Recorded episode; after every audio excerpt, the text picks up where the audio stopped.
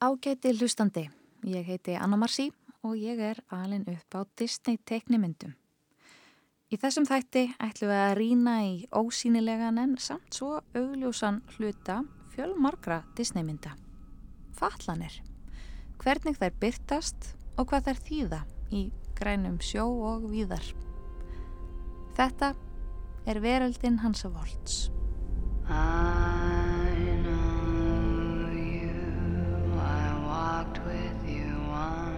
Upon a dream. I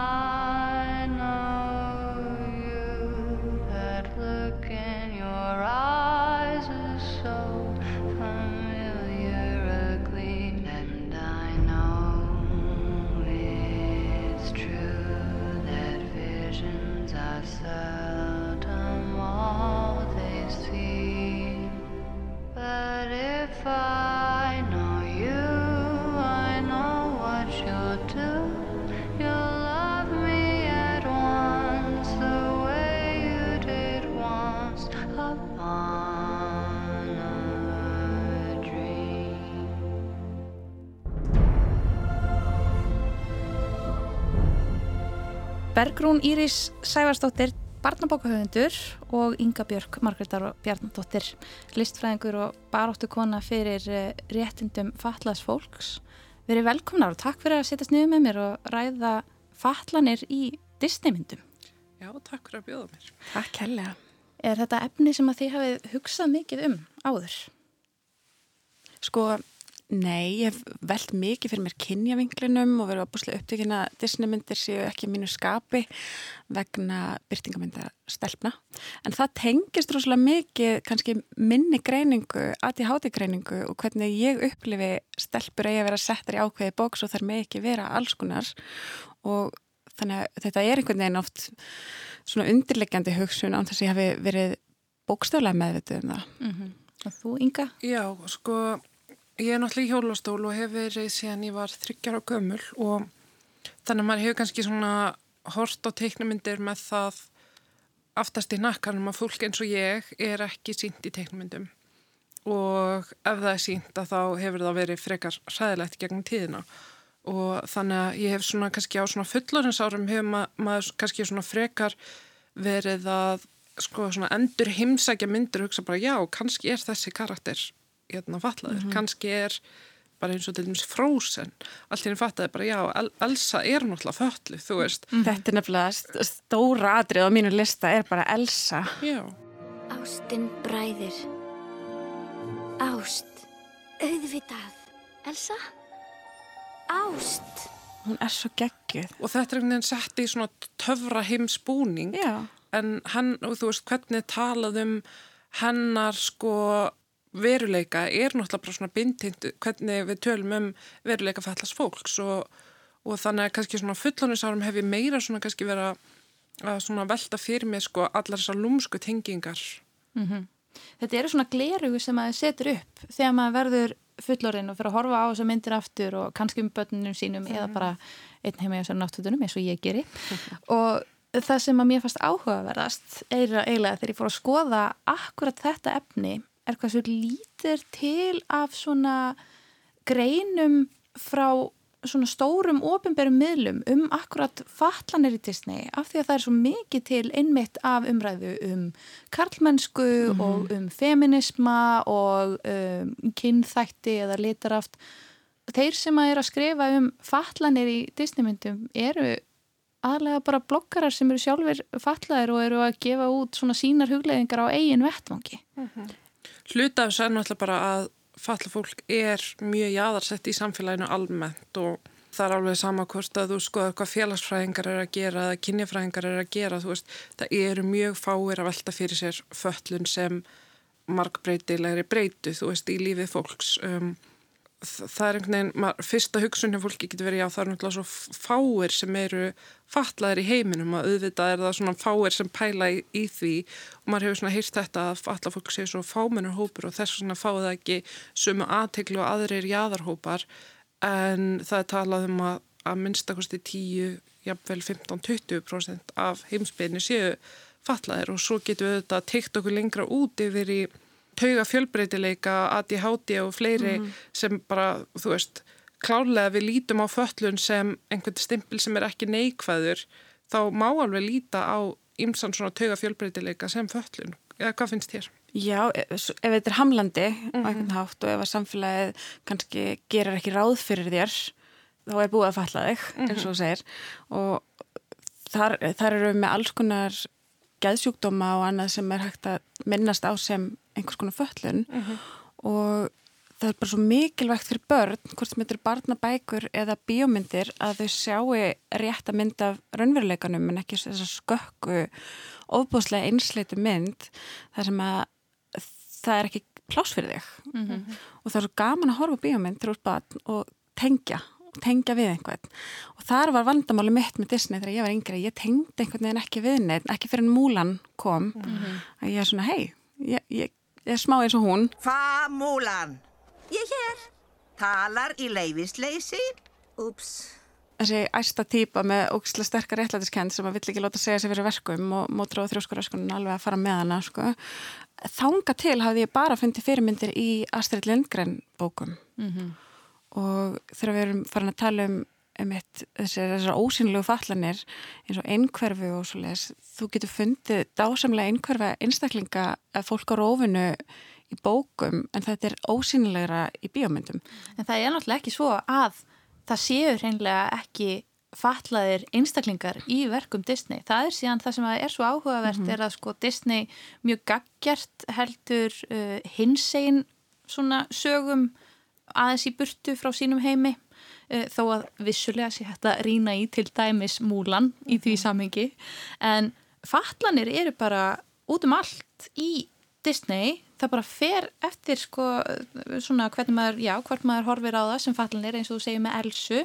En svo líka er þetta stærsta spurningin er kannski ekki bara uh, hvort föllunin sé til staðar hvort að það séu einstaklingar með föllun fallaðar einstaklingar í myndunum heldur hvernig þeir eru settið fram og hvernig oft sko föllunin er notuð í persónu sköpun og til þess að íta sögunni áfram. Og mér langar svolítið að byrja á því að skoða það eiginlega meikar mestan sens að byrja að skoða mjallkvíti í því samingi því að eh, hún er gerð árið 1937 og ég held að ég sé örglega að segja satt að hún sé fyrsta teiknimynd Walt Disney í fullri lengd Já. en þar eru dvergarnir sjö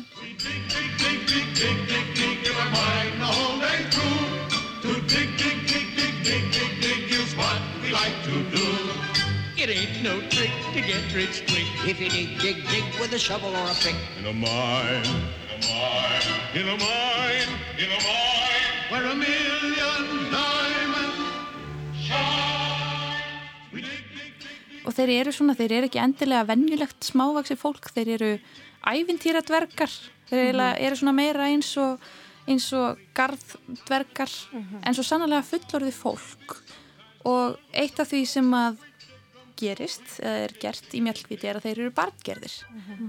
Og það er áhugaverð sena þar sem að sko, þar sem að mjallkviti er að koma hún, þegar hún kemur að húsinu og, og finnur það, þá gerir hún ráð fyrir að þar búi börna því allt er svo lítið og svo leiðis en þegar að hún hitti dvergana þegar þeir vekjana eftir að hafa ætlað að drepa hana sem hún lá skrýmsli í rúminu þeirra að þá segir hún, ó, þeir eru ekki lítil börn. Sem að svona kom mér á óvart að því að ég bjóst við því að hún myndi bara segja þeir eru dvergar. Sem að er orð sem að mér skilt að sé umdilt allavega í bandarækjunum en svo sannlega eru þeir litlir menn, þeir eru fúlskeggjaðir litlir menn, bara gamli kallar nema einn en hún kemur fram við á svona eins og þeir eru börn. Þrýfu fyrir þá, pakkaði í rúminn. Sem kannski konur þurft að gera þessum tíma við kallmenn almennt. Já, það er, nei, það er síðan, það er nefnilega spurningin, sko. Þeir vinna erfiðisvinnu í námakræftri, þeir, eh, þeir einhvern veginn koma heim og slást og svona, þú veist, spurningin er hvort er, sko, þessi meðferð í mjallkviti á þessum sjö personum uh, þegar þeir eru barngerðir, er það eibulismi eða er það sexismi? Ég held þessi sexismi, Eh, ég, ég veit það ekki. Mér finnst þetta bara svo aðtiklisvert að ég held að sjö kallmenn sem búa saman og fá þannig einn hvern mann sem að er farin að þrýfa og elda ofan í þá. Þetta væri kannski ekkit öðruvísi saga þú þeir væri tveir metrar að hæð. Maður sér samt einhvern veginn ekki fyrir sér mjallkviti að pakka tveggja metra manni inn í Rétt. skiluru.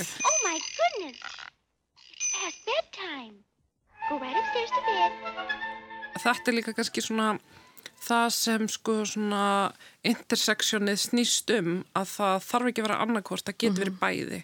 Disney og, og allar teiknumyndir og, og afþreyingarefni er náttúrulega speill á samfélagi sem við búum í hverju sinni.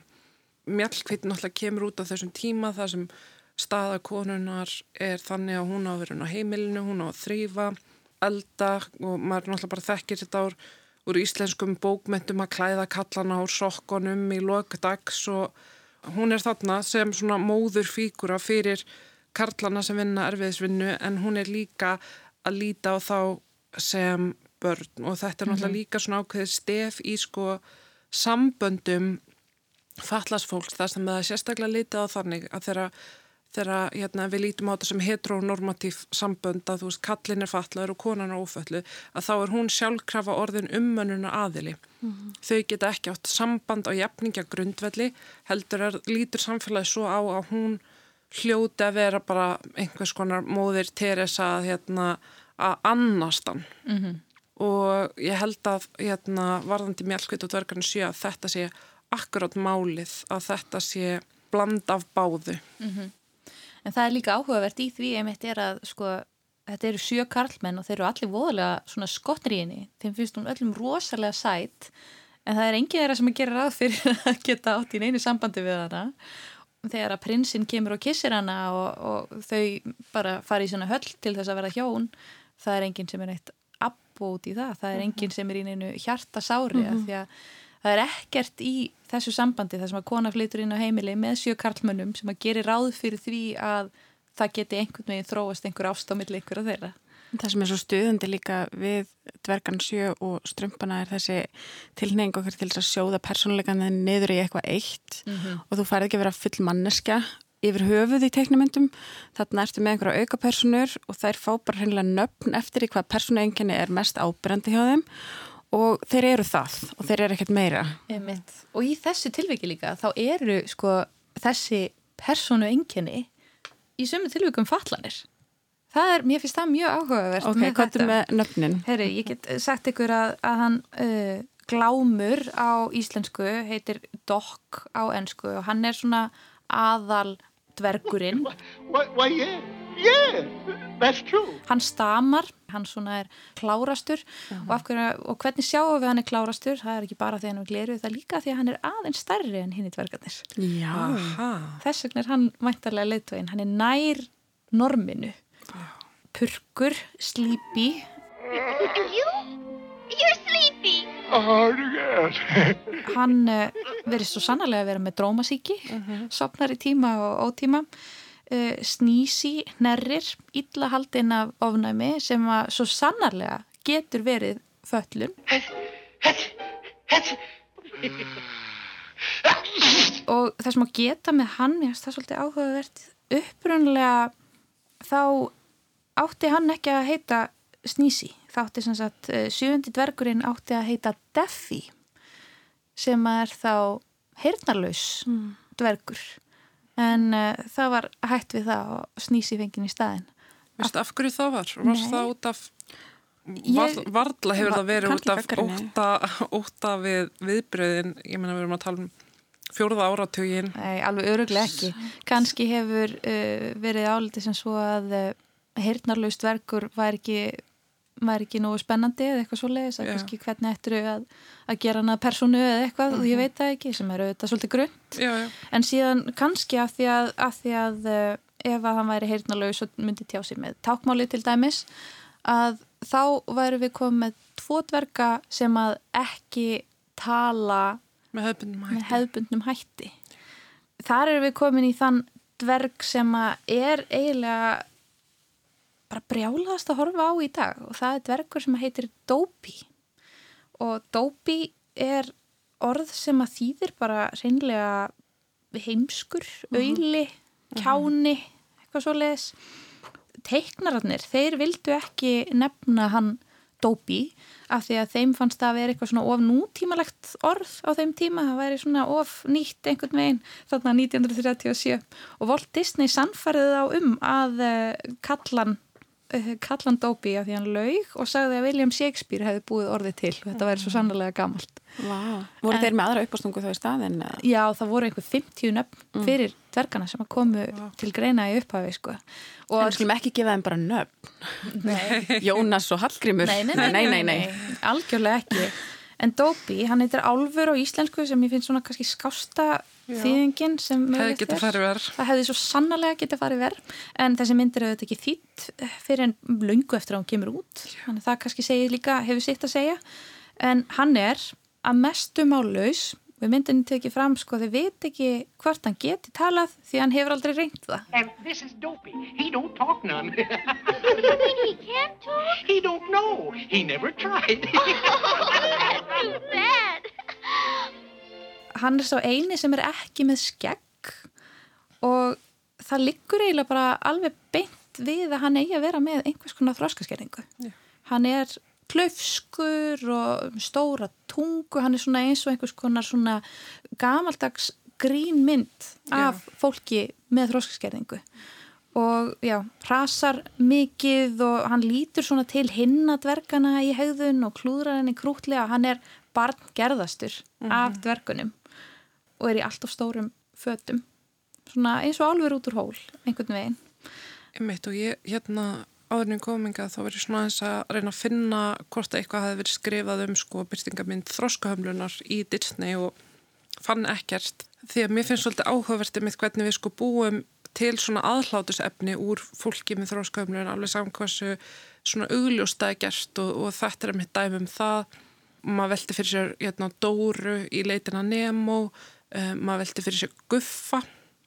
Er Guffi seinfær, þú veist og þetta, þetta er allt svona karakterar það sem tilgangurinn er að leta stemminguna, tilgangurinn er að einhvern veginn, að ég sjá hvað Guffi mikil klöf, ég sjá hvað hann er þú veist, honum einhvern veginn tekst aldrei það sem hann ætlar að gera er gerður að svona innföldum karakter En sko Dóra, Guffi og Ólafur í Frozen er allt personur og jafnvel andin í alladín. Þetta er allt personur sem ég er búin að nótera hjá sjálfur mér einhvern veginn í huganum sem þetta er ég, þú veist, þetta er hérna að ég háti klúðrarinn sem klúðrar öllu þannig að við kannski erum við öll bara svo mannlega, okkur vantar svo einhvern sem að sýnir hér er ég og ég gerir mistök og það er allt í lægi en aðalpersonan má ekki gera mistök þú veist, Nei. þaðan eru við sem betur fyrir að fara, upplifu ég og talin um frósin, það er svo geggja að fylgjast með þeim systrum Þú ert þokkafull.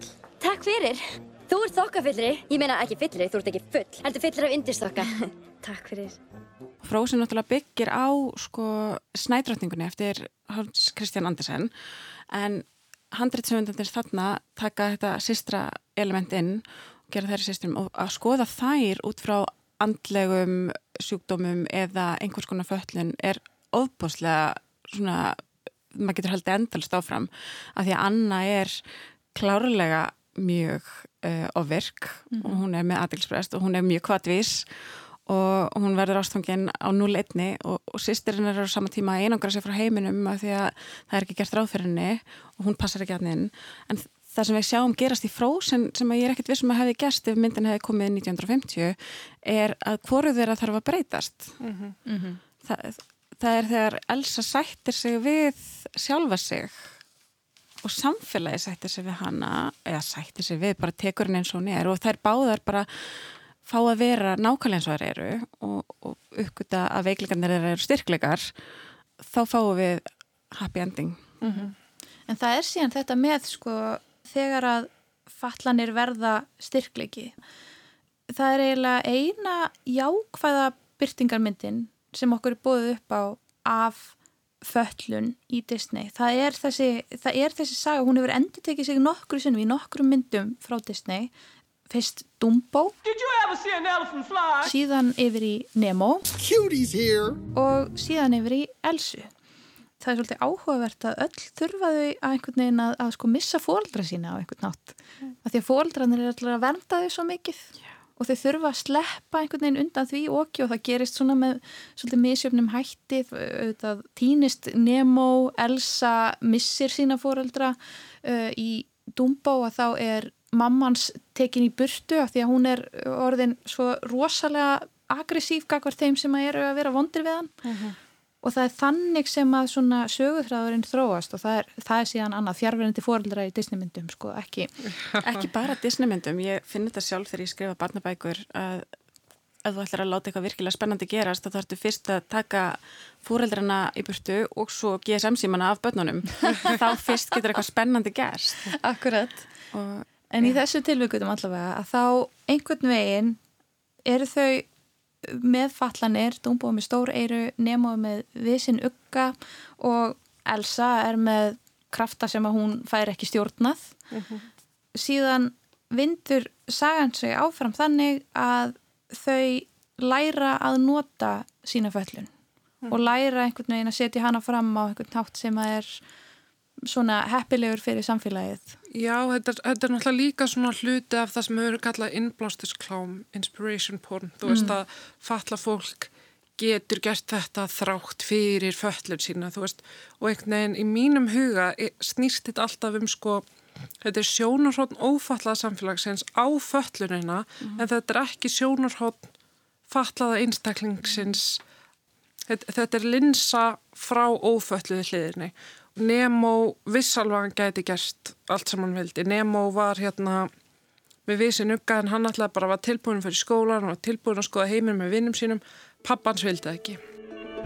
Dad, maybe while I'm at school I'll see a shark. I highly doubt that. No, hold on, hold on, wait to cross.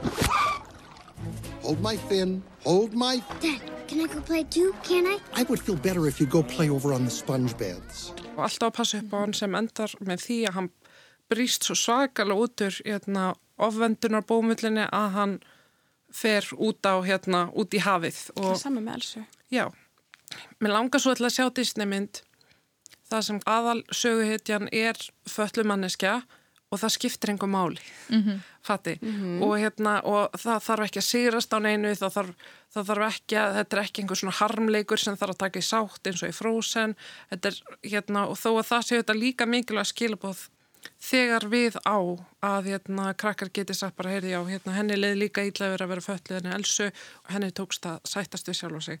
En við þurfum líka bara normal heitin því að þú veist, ég sem fallabann, meðanst ég aldrei neitt öðru í síðu upplifið með aldrei neitt skrítna eða á skjön, bara gekk vel í skóla, átti fullt af vinum, en samfélagi bombardaði mig endalust með þeim upplýsingum og þeim skilabóðum að það væri óeðlilegt hvað ég væri hérna, fittaði vel inn í samfélagi. Óeðlilegt hvort eðlileg? Já, og hérna, þráspurð af hérna, alls konar félagsákjum eitthvað hvort ég væri öruglega ekkert lögði einelt í skólanum og, Já, og þú veist, alltaf allir ekki ráð fyrir að þetta væri miklu meiri harmleikur heldur en ég upplýði þetta sem barn og það var eiginlega ekki fyrir en ég var svona 15-16 ára það sem ég svona virkilega rann upp fyrir mér hversu miklu fordómar væru gagvart fölluðu fólki og þetta væri, þetta væri minn veruleiki yngungu, ekki veruleiki vina minna, ekki veruleiki fjölskyldunar út af því að ég nefn bara, finnst það bara svona staðrind eins og bara já við búum í einbílishús en ekki blokk eða við eigum rauðanbíl en ekki bláan, mm. fyrir mér skipt þetta bara ekki máli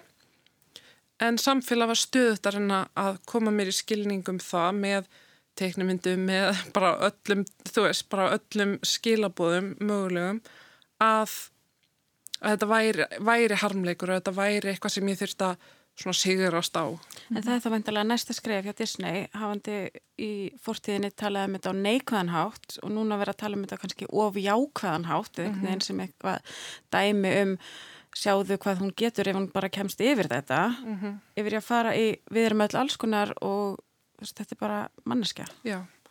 Það er náttúrulega þetta með sko, hvernig myndir eru skrifar, hvernig bækur eru skrifar, hvernig sko, já og kannski Disney myndir og svona einfaldari frásagningarð er uppbyggð almennt að það er engu bætt við sem ekki hefur tilgang uh mhm. -huh. og kannski fólk, ófallað fólk lítur kannski í bara miklu meiri hluta og oftast og okkur hættir til þess að líta svo á að fatlanir séu auka, séu frávik, séu þar með eitthvað sem að ef það er föllum til staðar þá hlýtur hún að vera þarna til þess að drífa söguna áfram. Þá hlýtur þetta að vera baksagan og þá hlýtur hún að eiga rosalega bátt Já. og hafa lendi uppaslega miklu einaldi í skólinum og svo framvegis. Eða vera rosa sterk og ég meina það er líka bara stelpur almennt. Einmitt, kannski þurfum við að fara hérna fjögur skref áfram yfir í öfgana, þú veist, og til þess að finna jafnvægið. Akkurat. Bara í hérna, í Algjörlega. hvernig við segjum frá og bara talandum til dæmis, ég man svo vel eftir, ég var reyndar orðin úlingur þá sko, þegar ég sá einhverja bók eftir Sigruna Eldjátt og það var karakter þar í hjólastól, bara eitthvað út í móa að leika sér og það skipti engum máli. Nei, Það bara, ég held að það hafi ekki eins og komið neitt fram í sögunni sko. bara mannskja. og, já, bara mannskja og þú veist, það er einhvern veginn ekki hægt að lýsa þessari tilfinningu að bara svona sjá karakter í hjólustól á síðunni og bara eitthvað svona uh, hvað gerist, eða þú veist, hvernig er textin og bara eitthvað uh, og bara svona léttin að þetta var bara non-issue, þetta bara skipti ekki neinn máli. Og þú veist, þetta er held ég það sem lang flest fólk jaðarsett alls saman hvort það er konur eða innflytjendur, uh, fólk með annan húðlit en hvítan, fatla fólk, þú veist, við viljum bara öll að við séum hlut af hópnum, við viljum ekki fá einmitt þessa sér meðferð sem svo oft talað um að hafa jáðar hópar sé að byggja um, við viljum bara vera með, þú veist, og viljum ekki láta, við viljum ekki föss, við viljum, viljum bara að, að það sé svona afsakið sletti svona recognition á að við séum til yfir höfuð. Þetta er, hefur Sigurinn Eldjátt gert alveg óbúslega vel einmitt hvað var þar mismyndi húðliti og fallanir og ímislegt án þess að það sé sérstakur sögutráður um það og þegar ég var í teikningu í myndlistaskólanum þá vorum við einhvern tímann í persónsköpun og ég með fullt strákum í tíma. Og við vorum að flestir búinir að gera stráka aðalpersonu við vorum að tvær stelpur að gaggrina þetta og bendaðum á að þeir getu hæglega gert stelpu. Og svari var, já en ég er strákur. Ég get ekki ímyndað með hvernig það er að vera stelpa því að ég er ekki stelpa. Og maður bendir um að blaðið og bara, já þú reyndar teknaðir hund ertu hundur? Þú veist, við getum öll sett okkur í spór dýra og handreitshöfundar geta mjög öðvöldlega sett sér í spór dýra. Okkur geta þær ekki skipt um kyn eða hvað sem er fyrir personuna sína? Og ég hvatti þá strákunum til og þetta er eitthvað sem væri hægt að nýta þarna líka skrifaði handreitið út um leiðu handreitið er tilbúið bættin hjólustól mm -hmm. það þarf ekki að breyta neinu manneskan þarf ekki að skipta um persónuleika. Hér er nú svo stund sem allir stemdu að Streyma til að sjá þið vitið hvað Nú er tíminn Ringjarn í Notre Dame, það var svona, þú veist, það er svo mynd sem hefur kannski haft svona mest neikvæð áhrif á mig persónulega.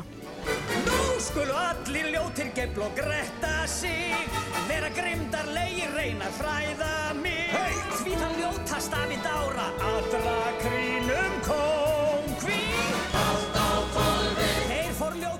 þú veist einhvern veginn tilfinningin að setja í batnamæli með fullt af öðrum börnum og svo að vera að grýta tómutum í fatlaðan mann og maður er bara, já.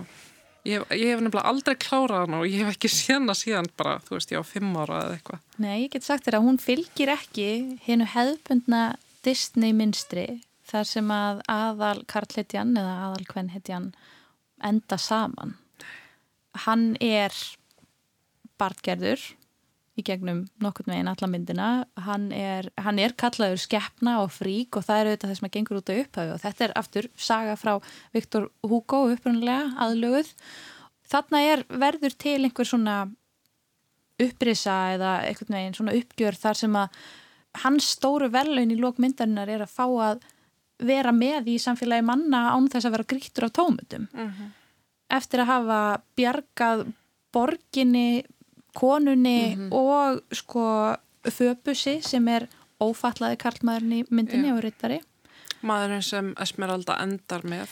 það er málið. Þetta er ekki þessi hefðbundan Disney mynd. Ég man ennþá eftir þessum vombriðum. Sko, ég bara vörð því að Felix Bergson sé prinsinn, hann endar með prinsessunni og Felix Bergson talaði svo sannarlega fyrir ringjarni í Notre Dame. Þetta gekk ekki upp í huganum Þetta gekk enga veginn upp fyrir mig. Ég bara manst að setja þarna og bara hvað? Þessi föbus. Já, bara hver er hann? Já, og það er ekki hann er sem að bjargaði öllu unni sinni. En það er auðvitað Já. af því að hann er Ég hef mikla skoðun á ringjarnum Notre Dame, þannig að ef ég má halda áfram að vel. grípa fram í, því að sko þarna get, tósast líka á okkur, í okkur sko feministin sem segir konur skulda körlum ekki neitt Esmeralda mátti velja hvaða kærasta sem hún vildi.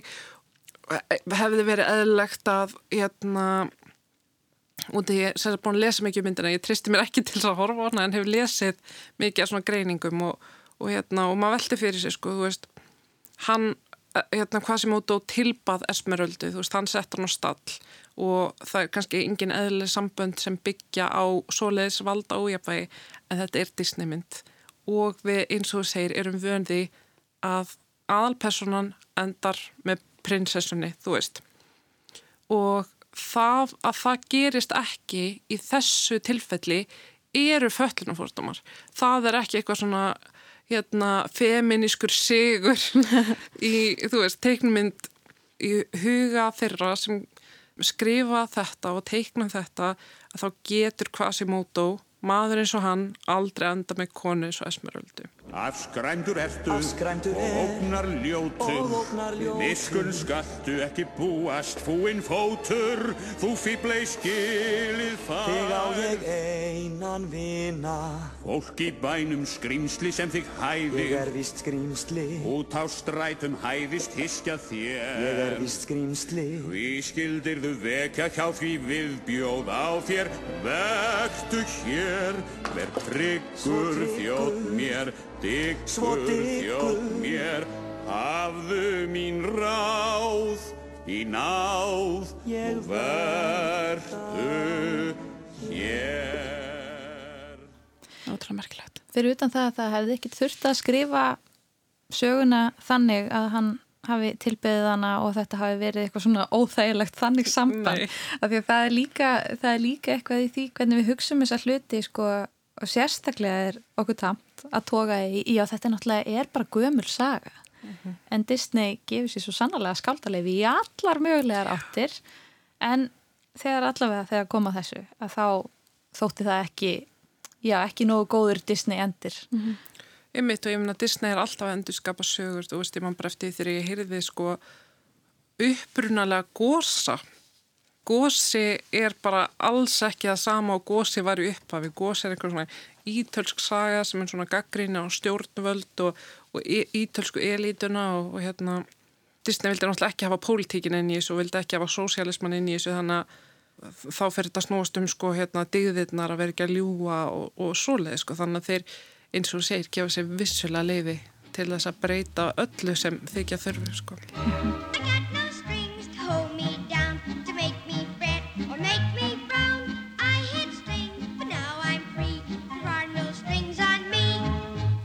Þetta útrúlega áhugaverð, það eru mjög margir búinir að sökka sér í að greina fólk eftir á. Uh, og þá kemur gósið mitt sem hann sé hérna, hann er legasjúkur og það er til eitthvað voðalega fínt læknisfræðilegt heiti við það.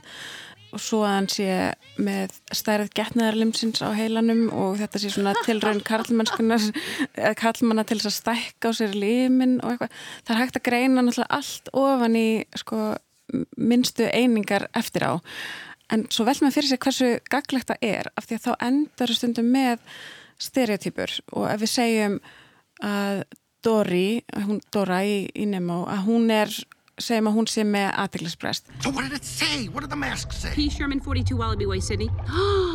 I remembered what it said. I usually forget things, but I remembered it that time. P. Oh, Sherman, wait, 40... wait, wait, wait. Now, where is that? I don't know. But who cares? Ha ha! I remember. ef hún er táknmynd aðteglisbrests þá er það náttúrulega ekki alveg besta fyrirmyndin fyrir börn sem að heyra þau séu með einhvers konar greiningu. Og Líla og Stitt sem er nú alveg dásamlega bíómynd þar sem að stúlkan er líklega á rófinu það er aldrei sagt en hún er með mjög mörg enginni engverfu á meðan við fáum ekki fleiri einhverfa einstaklinga þá verður hún að einhverfa einstaklingnum sem að við förum að mæla alla við og, þannig verða til klísjur og, og stereotypur. Do you not understand? Do you want to be taken away? Answer me! No! No, you don't understand? No! No! What? No! Það kannski er þetta með ósýnilegu fallanir að fólk sem er með þessar ósýnilegu fallanir það þráir rosalega mikið að sjá þær annar staðar og fer í að greina Mhm. en svo er það líka ófallaga fólkið sem að vill setja alla í kassa Mhm. og það er svona það er svolítið skemmtilegt finnst mér, ég segi skemmtilegt en áhugavert er kannski rétt á orðið yfir Bánsímon í þessu Já. samhengi þar sem að uh, personar eru skapaðar sko í kringum 1926 sko á meðan að í tilfelli dvergana þá er alveg ljóst að personar voru skapaðar viljandi í kringum ákveðnar fatlanir, hvort sem að var hugsað sem fatlanir eða ekki, eitthvað svona ákveðin enginni en í Bánsímon að þá er það ekki raunin.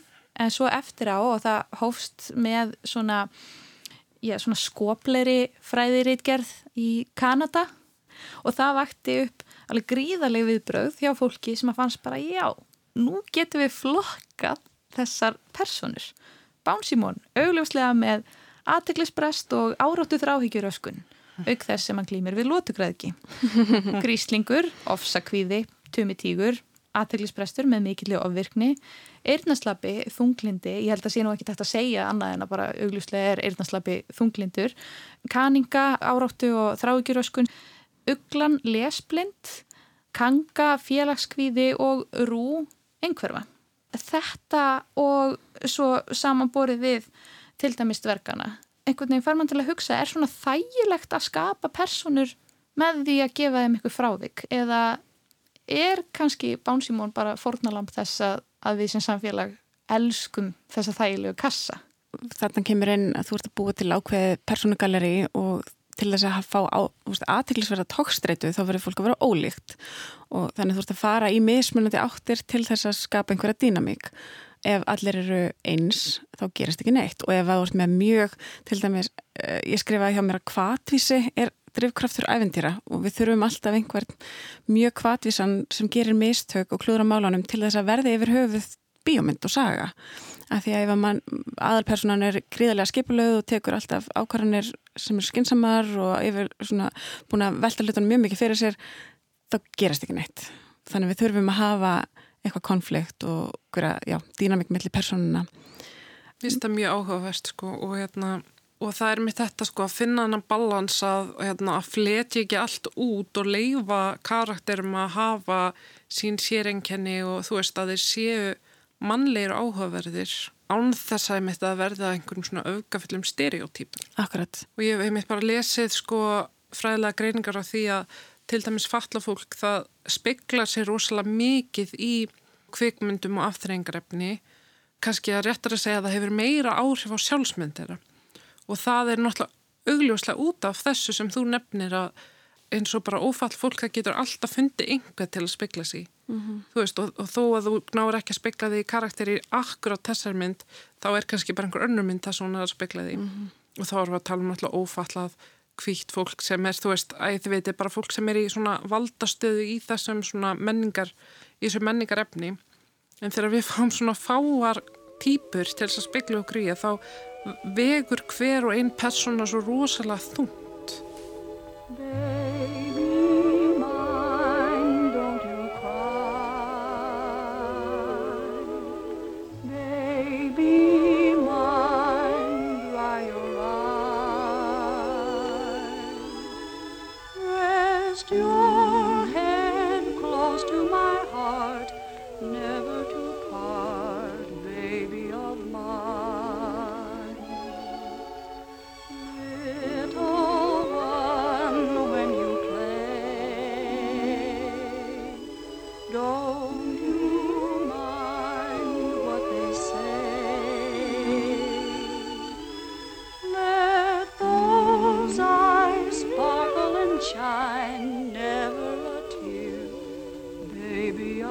Fólki finnst maður kannski eitthvað aldrei barnalegur að ætlast til þess að Disney sem er náttúrulega stór fyrirtæki sjá einhvern veginn hagsinni því að hugsa út fyrir kassan eða augra norminu á einhvern hátt en þá gleymist að Disney skapar normið.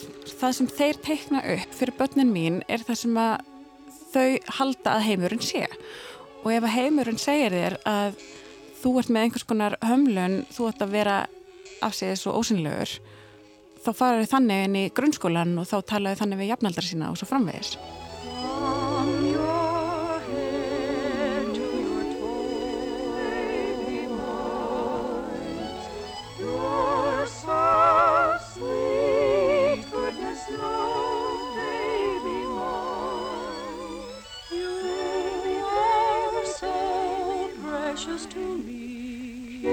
From